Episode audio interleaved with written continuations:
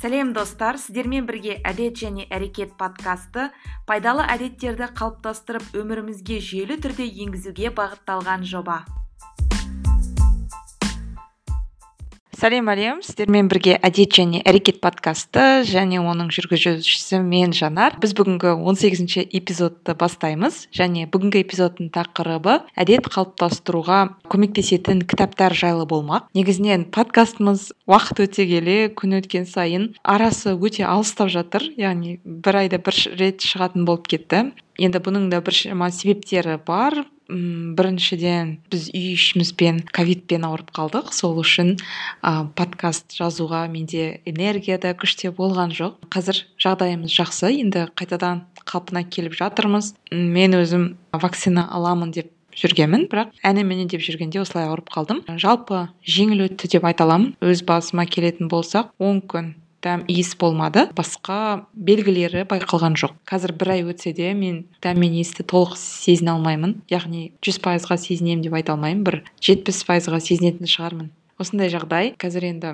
көбіне сондай ә, дәрумендер қабылдап дұрыс тамақтанып көбірек қозғалыс жасап сондай бір емдеу түрін қолданып жатырмын. Және жалпы осы вирусты енді өз басыңнан өткеннен кейін кішкене зерттеп жалпы вакцинаның құрамы қандай не ол деген сияқты зерттеулер де жүргізіп көрдім. Сонымен қатар пневмонияға қатысты да кішкене зерттеулер жүргізіп қажеттілік болғаннан кейін. Сондықтан абай болыңыздар қолдарыңызды жуып жүріңіздер маскаларыңызды киіңіздер. Яғни біз енді ешнәрседен сақтандырылмағанбыз. Вакцинаны енді кеңес беремін. Өзім жалпы вакцина алуды жоспарлаудамын. Жақын арада бір екі ай өтсін сосын вакцина аламын бұйыртса бұл эпизодта мен өзім оқыған өзіме бір жақсы әсер еткен жақсы идеялар берген сондай оқуға тұрарлық кітаптар туралы айтпақшымын. Жалпы бұл кітаптардағы негізгі ой кітаптың қысқаша мазмұны туралы айтатын боламыз сіздерге пайдалы болады деген ойдамын. Бірінші талқылайтын кітабымыз ол джеймс клирдің атомные привычки деген кітабы. Өте танымал кітап. Қазір интернетте көп танымал блогерлар болсын. Жалпы кітап оқитын адамдар осы кітапты айтып жүр. Бұл кітаптың пайдасы бар деп айта аламын. Өйткені маған өте қатты әсер етті. Көптеген өмірде қолдануға болатын әдістер бар. Осы кітапта негізінен джеймс клир жүйеліліктің үлгісін көрсеткен кісі өйткені блог жасай бастаған яғни оның бір жыл ішінде подписчиктарының саны блогын оқитын адамдардың саны мыңнан отыз мыңға дейін артқан. Және ол бұған да тоқтап қоймай аптасына екі рет мақала жариялап тұрған екен. Және ол келесі жылы тағы да жүз мың жазылушыны өзіне жинап алған. бір жылдан кейін ол жазылушылардың саны екі жүз мыңға жеткен. Яғни бұл жалпы клирдің өте сондай жүйелілікті жақсы көретін адам екенін көрсетеді. Және бұл енді оның мақсаты болмаған екен. Жалпы өзі сондай бір эксперимент жасап көрмекші болған. Бұл кітапта джеймс клир өзінің жалпы өмірдегі естеліктерімен кішкентай кезіндегі баскетбол ойнаған кез кезіндегі естеліктерімен бөліседі. Маған оның мысалы бір әрекеттерді жақсы етіп көрсетуге яғни оны жеңілдетуге деген әдістері ұнады. Мысалға алатын болсақ сіздің күнделікті әрекеттеріңізді өзгерту үшін ол төрт сұрақ қояды. Яғни мен бұл әрекетті қалайша көрінетіндей қылып жасай аламын дейді. Екінші сұрағы жасауым керек әрекетті қалай тартымды ете аламын дейді. Одан кейін оны қалай оңай ете аламын дейді. Және ол маған бір қуаныш әкелу үшін не істеуім керек дейді. Яғни белгілі бір әдетті ол сенде болу үшін енгізу емес бұл жерде қаншалықты сен өзіңді осыны осы әрекетті жасаған кезде өзіңді бақытты сезінесің. Осы сұраққа көбінесе жауап іздейді. Көбінесе біз әлеуметтік желіден немесе басқа бір достарымыздан қоғамдан кейбір әдеттерді мысалы бір массаж жасау керек болса мысалы құрғақ щеткамен массаж десе ол хайп болып кеткен нәрсе да. Сол сияқты адамдар да біреуден көріп алған нәрсесін істеуге ұмтылады. Бірақ енді оны аз уақыт өте келе біраз уақыт өте келе оны тастап кетеді тіпті ол әдет оған мотивация беріп немесе ондай бір қуаныш әкелмеуі мүмкін? Басқалар да істеп жатыр ғой деген сияқты болуы мүмкін. Мысалы сізге кітап ұнам кітап оқу ұнамауы мүмкін? Сондықтан да бәрі кітап оқып кетті деген сияқты мен де кітап оқиын деп өзіңізді енді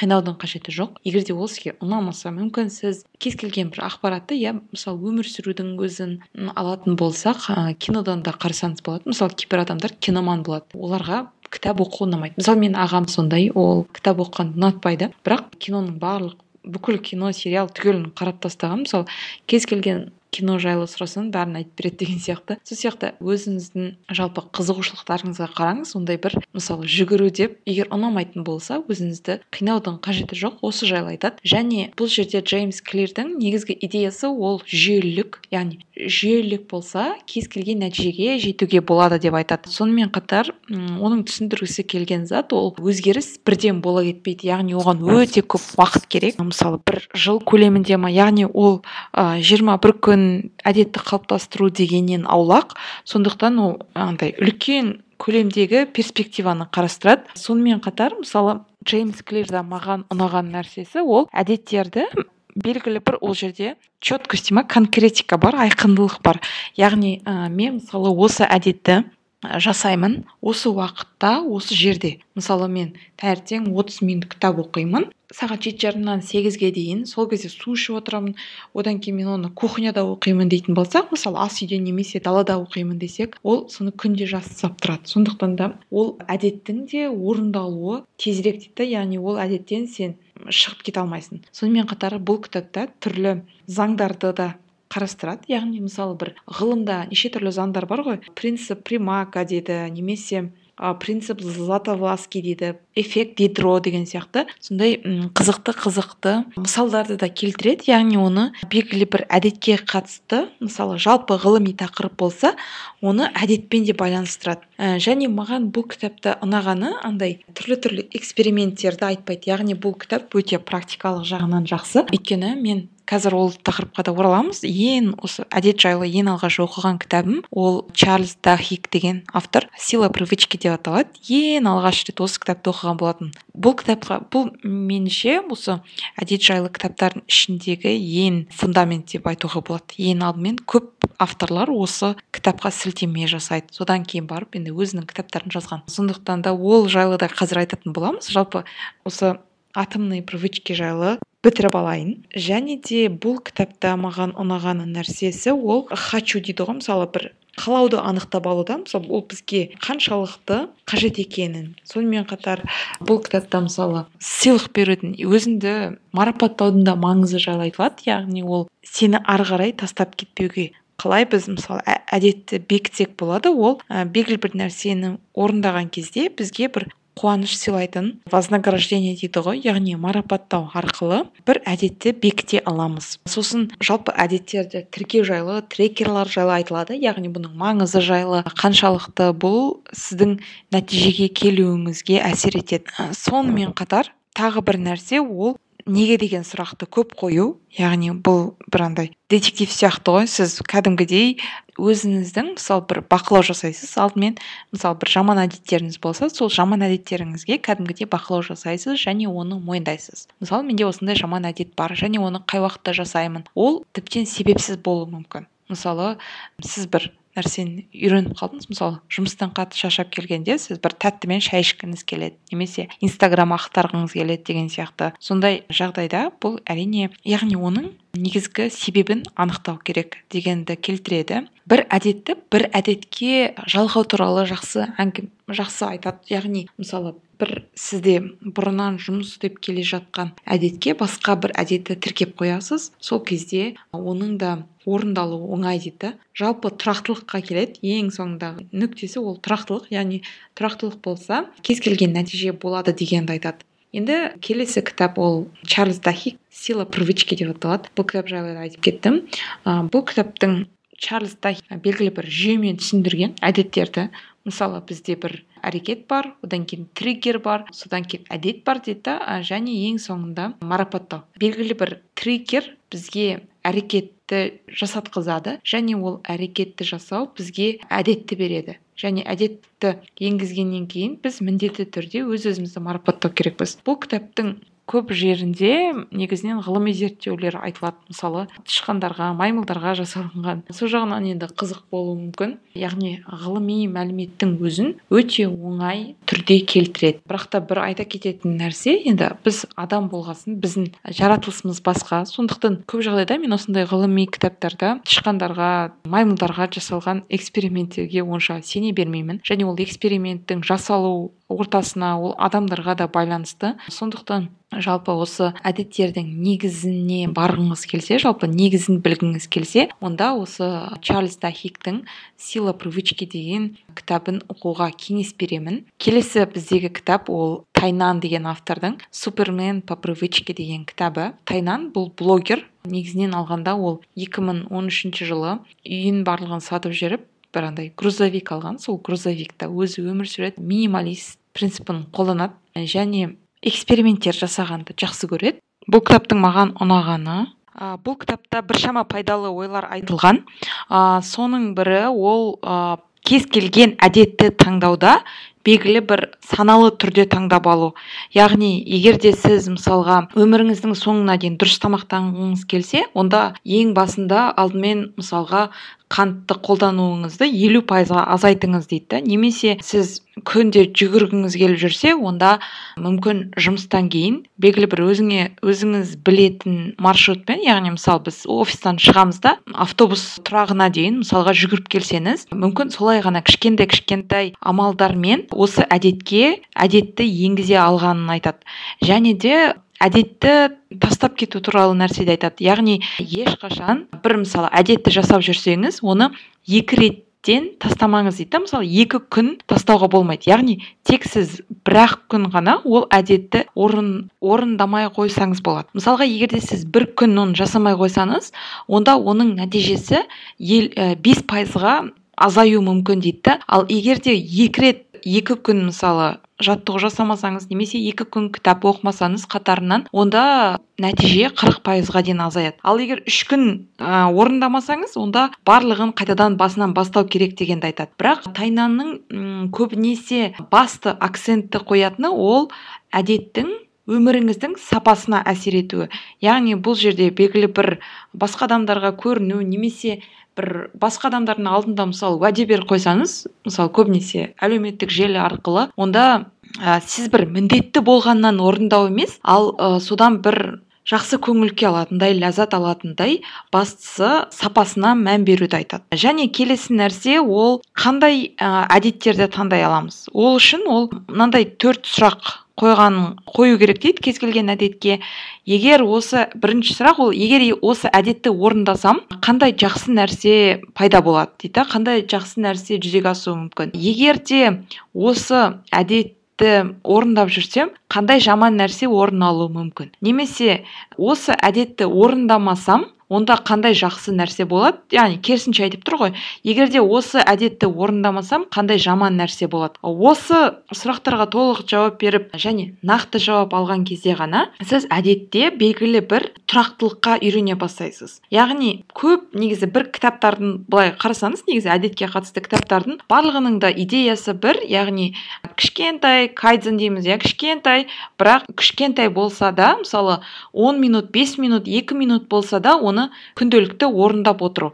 Және бұл жерде бір тағы бір нәрсе ол триггерлерді қосу. Яғни сіз белгілі бір әдетті орындап жүрсеңіз мысалы тіс жуып жүрсеңіз әйтеуір осы тіс жууға бір басқа бір өзіңіз енгізгіңіз келетін әдетті тіркеп қою. Сол арқылы өзіңізге өміріңізді яғни жеңілдете аласыз. Сосын қандай әдеттерге яғни ол өзінің кітабында әдеттерге анализ жасайды. Оның ішінде жаңағы позитивті әдеттер бар. Яғни қоршаған ортама қалай позитивті бола аламын өзіме қандай позитивті бола аламын деген сияқты.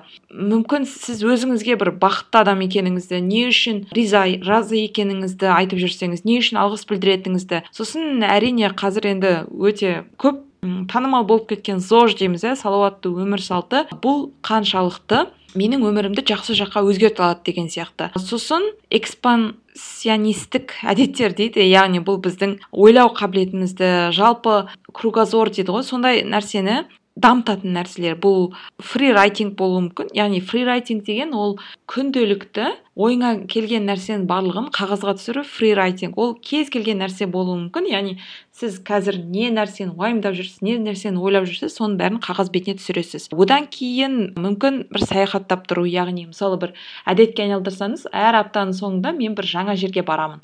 Тіпті ауылыңыздың өзінде немесе ауылыңызға жақын жерде қалада болсын әйтеуір бір жерге барып көріп қайту демалып қайту деген сияқты. Сосын қоршаған ортаға қоғамға қатысты әдеттер де жатады. Яғни енді біз басқа адамдармен араласпасақ сөйлеспесек өміріміз кішкене қызықсыз болуы мүмкін. Сондықтан бұны да кәдімгідей әдетке айналдыру керек жай, айналдыру керек екені жайлы айтады. Негізінен бұл кітапты да оқуға кеңес беремін. Себебі бұл жерде кітап өте оңай тілмен жазылған және көбінесе өзінің тәжірибесімен бөліседі. Сондықтан сіздерге де ұнап қалуы мүмкін. Және бұл жерде андай қысқа қысқа бір кеңестер бар. Яғни бір өзіңізге бір мотивация іздеп жүрсеңіз немесе басқа бір нәрсе іздеп жүрсеңіз яғни қаншалықты кез келген әдетті жеңілдетуге болады сол жайлы айтылады. Енді келесі үшінші кітабымыз бұл одна привычка в неделю деп аталады. Авторы брэд блюментал. Негізі бұл автордың одна привычка в неделю для семей деген бар яғни отбасыларға арналған. А бұл жеке адамға арналған он, оның алғашқы кітабы. Бұл жерде ол әр аптада бір әдет енгізеді. Яғни бұрындары мен бір тағы бір кітап оқығанмын ол жерде 12 привычек дейді э, в год дейді. Яғни өз өмірімді бір жылдық өмірімді қалай өзгерте аламын? Ол автор әр ай сайын бір жаңа әдет енгізіп тұрады. Бұл бред болса апта сайын бір әдет енгізеді. Негізі әдеттер өте оңай. Яғни оның ішінде бір қиын әдет жоқ. Мысалы бір әдеті ол күліп жүру күлімдеу дейді да. Оны бір аптаға бөледі. Одан кейін яғни бір ап мысалы қаңтар айының алғашқы аптасы болса ол жерде жазба жаз деп айтады. Мысалы күнді бірдеңе жазып жүр дейді әр нәрсені жазып жүр дейді. Келесі аптаның әдеті ол музыка тыңдау. Мысалы белгілі бір шабыт алу үшін демалу үшін. Яғни ол бір ә, жаңағы жазба жазып жүрді ғой бірақ ол аптада орындаған әдеті тастап кетпейді келесі аптада да жалғастырады. Сосын қандай тағы нәрсе бар? Ол мысалы жасыл шай ішіңіз дейді. Яғни бұның барлығын орындауға міндетті емессіз бірақ өзіңізге өміріңізге қатысты осы бір әр аптаға бір әдетті жасап қойсаңыз болады. Біздің инстаграм парақша парақшамызда да әртүрлі мысалы әдеттер деген не бар? Рубрика бар. Ол жерде қандай әдеттерді енгізуге болатыны жазылған. Сосын мына жерде енді медитация деген бар мысалы адамдарды бағалау оқу одан кейін қолайлы зонадан шығу дейді мысалы. Негізінен алғанда мысалы медитация мен йоганы мен жасай алмадым. Қаншалықты білмедім бірақ әлі мен оны бір сүйіп жасайтындай дәрежеге жеткен жоқпын және білмеймін бір қажеттілік те жоқ сияқты. Жасыл шайды өзім ұнатпаймын ішпеймін және ә, көбінесе айтады яғни кофеден бас тартқысы келетін адамдар жасыл шай ішсін оның ішінде де кофеиннің мөлшері кофемен бірдей деп. Бірақ менің қан қысымым өте төмен болғандықтан бұл маған бұл жасыл шай негізі маған болмайды. Ішуге және өзім де онша ұнатпаймын. Негізінен осы кітапты оқып шықсаңыздар өте оңай жазылған және өзінің өзінің несімен тәжірибесімен бөліседі. Кез келген нәрсе мысалы белгілі бір айтады да бұл жерде де аз аздан жасағанды ұсынады мысалы бір он минут. Күнделікті кез келген компьютерде болсын немесе кәдімгі блокнотта болсын ойларыңызды жазып жүрсеңіздер немесе бір цитата жазып жүрсеңіздер енді әркімге біреуге келеді біреуге келмейді. Өзіңізге енді қалағанын таңдап аласыз бірақ бір рет осы кітапты оқып шыққан дұрыс деп ойлаймын. Өйткені бұл жерде өмірде балансты қалай ұстауға болады? Яғни өмірдің әр саласынан белгілі бір кеңестер берілген. Тек қана бір андай өзіңді әрдайым бір қозғалыста жүріп шаршатып алу емес. Сонымен қатар арасында демалып тұруға да көңіл бөледі. Яғни басында кез келген нәрсені бастаған кезде азда аз аздан бастаңыз деген принципті ұстанады. Негізінен бұл кітап маған ұнады және көлемі де біршама. Меніңше егер де сіз бұл әр мысалы бір аптаны оқисыз ба жиырма сегізінші аптада сыйлық беріңіз дейді. Сыйлық беру бір жағынан ол сүннет сондықтан әртүрлі нәрсе болуы мүмкін. Ол тек қана материалдық нәрселер емес сонымен қатар басқа да бір мүмкін бір ә, достарыңызбен кездесу болуы мүмкін. Немесе кітап оқу немесе балаларыңызбен табиғат аясында демалу деген сияқты. Бұның барлығы сыйлық. Мысалы сіз өзіңізді мақтасаңыз ішіңізден бұл да бір сыйлық немесе бір басқа бір жақсы нәрсемен адамдармен бөліссеңіз ол да сыйлық ретінде саналады. Тағы не айтуға болады? Бұл жерде айтатыным кез келген енді әр әдетті қарастырған мысалы бір аптада. Бірақ өте көп ақпарат бермеген яғни оны толықтай таратпаған. Яғни бұл бір осы кітап сізге бір инструкция болады деп айта алмаймын. Бірақ маңызды маңызды нәрселерді айтқан. Енді бұның кез келген тек қана оқып қоймай оны өмірде қолдансақ тіптен керемет болады деп ойлаймын. Бұл кітаптың негізі пайдасы бар. Сондықтан жақында бір мынандай теорияны өзіме дәлелдеп жүрмін. Яғни кез келген бір нәрсе кез келген нәрсе дегенде кез келген әдетті енгізу үшін біз сол әдеттің айналасында ақпараттық доминанта деген бар. Түсінік бар. Сондай ақпараттық ә, доминанта жасап алу керекпіз. Яғни мысалы біз белгілі бір ұн тағамдарынан қанттан бас тартқымыз келсе ең алдымен сіз сол заттарды мысалы сіз енді одан бас тартайын деп жатсыз демек сізге бұл заттарды барынша бұл заттар бар жерде бармау керек деген сияқты мысалы сондай круассан сататын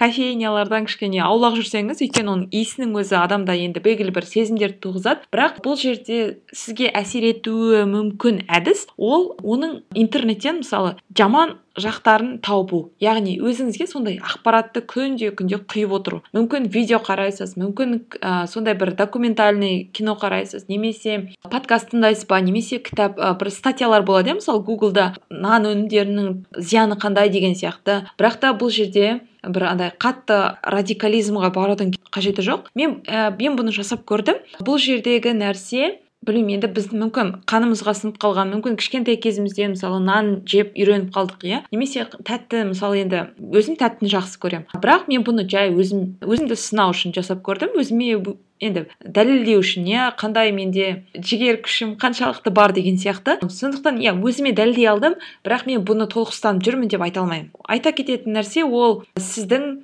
сол заттарға деген андай талпынысыңыз өте азайып қалады. Бір жағынан кішкене миыңыз да жақсы жұмыс істеуі мүмкін. Енді оның өзі де бір тәуелділік деп ойлаймын. Мысалы тәттіге қатысты тәуелділік айтатын болсақ. Сондықтан осы нәрсені білмеймін бір қырық күн отыз күн орындап көрсеңіз бір нәрседен бас тартып кәдімгідей басында әрине ломка болады басында қиналасыз басыңыз ауырады. Бірақ кейін уақыт өте келе осы нәрсені жеп көрсеңіз енді өте мысалы жай нәрсенің өзін мысалы сіз беймарал енді. Жей беруіңіз мүмкін. Мысалы мен өз басым тәтті нәрсені жей беруім мүмкін иә. Мысалы білмеймін киндер шоколадын жақсы көремін кішкентай кезімнен мүмкін әдет. Немесе финики жақсы көремін дей. Бұл маған қазір ол ағзам үйренгеннен кейін ол тәтті болмауы мүмкін да.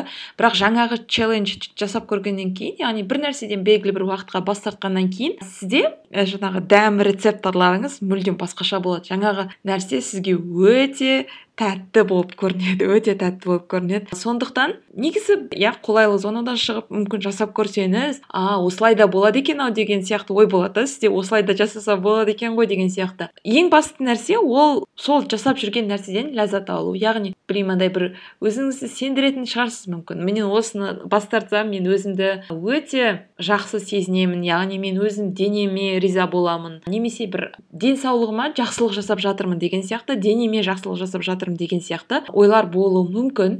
Және бұл бір сенім болып та қалыптасатын сияқты. Және сіз келесі жолы мысалы бір өзіңізге мүмкін бір блокировка жасап тастайсыз осындай заттар маған қажет емес деген сияқты. Немесе бір жаман әдеттерге де қатысты осындай ойлар болуы мүмкін. Енді бүгінгі эпизодымызды түйіндейтін болсақ иә кітап оқыған пайдалы бірақ енді оны өмірде қолданбасаңыз ешқандай да оның пайдасы жоқ. Мысалы мен жаңа одна привычка в неделю яғни елу екі апта бар бір жылда. Демек ол елу екі әдетті сол кітапта қарастырған. Мен оның оның ішінен өзіме қажетін алдым. Және кейбір әдеттер мүмкін сіз кітаптан оқып алдыңыз бірақ өміріңізге келгенде ол мүмкін сізге қажетті емес шығар. Осы нәрсені анықтап алу керек. Яғни қаншалықты бұл нәрсе сізге шын қажет. Қаншалықты сіз оны жақсы көресіз. Бір ағылшын тілінде сөз бар ғой do what you love дейді. Яғни өзін ұнатқан нәрсені жасау. Мысалы маған жүгіру ұнайды мен оны бәрібір жасаймын. Қаншалықты тастап кетуі мүмкін басқа бір нәрсе. Бірақ бәрібір ол мен жақсы көрем жақсы көргеннен кейін жасаймын деген сияқты. Сондай ой болу керек. Кітап ешқандай жағдайда кітапты бір инструкция немесе тағы бір нәрсе деп айтқым келмейді. Бірақ кітап арқылы сіз өзіңіздегі бір өзіңізде ой болуы мүмкін. Соны кітап арқылы бекіте аласыз. Немесе кітап оқу арқылы сізде бір жаңа ой пайда болуы мүмкін. А оказывается осылай жасауға болатын еді ғой немесе мынандай ә, бір әдісті қолдансам мен өзімнің жаңа әдеттерді енгізуімді қазіргіден де тиімді ете аламын деген сияқты. Сондай ойларды жүзеге асыруға болады. Бүгінге осы тыңдағандарыңызға рахмет. Осы кітаптарды оқып шығыңыздар. Енді менің егер де осы мен айтқан кітаптардың ішінен қайсысын таңдаймын десе мен осы эпизодта төрт кітапты айттым. Мен atomic habits яғни атомные привычки деген кітапты айтатын едім сіздерге. Өте пайдалы. Осы кітапты оқыңыздар. Әрдайым бір жаңа ақпарат алып тұрған дұрыс деп ойлаймын. Күн сайын инстаграмның әрине лентасын қараған жақсы. Бірақ білмеймін бір өзіңізге бір тақырыптар жазып қойсаңыз өміріңізде не қажет? Мысалы мүмкін ә, сіз мүлдем ол жайлы ойланбаған болуыңыз да мүмкін. Бір нәрсені мысалы жасап жүрсіз. Ойланбастан жасап жүрсіз. Бірақ бұл жерде біз әрине бір критикалық ойлауды қосу керекпіз. Бір анализ жасап ә, мүмкін бұны басқаша жасауға болатын ба еді? деген сияқты. Мен осы нәрсені күнделікті жеп жүрмін. Ә, осыны өзгертсем қалай болады? деген сияқты бір басқаша ойланып көріңіздер. Бірақ ә, қатты ол нәрсеге еріп кетпеңіздер. Яғни мысалы бір блогеріңіз күн сайын ірімшік жеп жүрсе сіз оны ірімшік жеп білмеймін енді асқазан денсаулық өте маңызды. Өзімнің басымнан өткізгесін де айтып жатырмын. Сондықтан негізі критикалық ойлауды қосып егер мүмкін сұрақтарыңыз болса сұрасаңыздар болады. Біздің подкастқа жазылып қойыңыздар. Инстаграмдағы парақша қазір қатты белсенді емес. Бұйыртса белсенді болады. Енді бір ковидтан кейін мүмкін менде әлі де қалпына келу процесі болып жатқан сияқты. Кішкене қызығушылық та азайып кетті. Сондықтан егер подкаст ұнап жатса эпплда жаңағы бағаларыңызды қойып рейтинг қойып сонда басқа басқа адамдар да осы подкаст жайлы білетін болады. Баршаңызға рахмет. Келесі эпизодтарда кездескенше күн жақсы. Аман есен болыңыздар.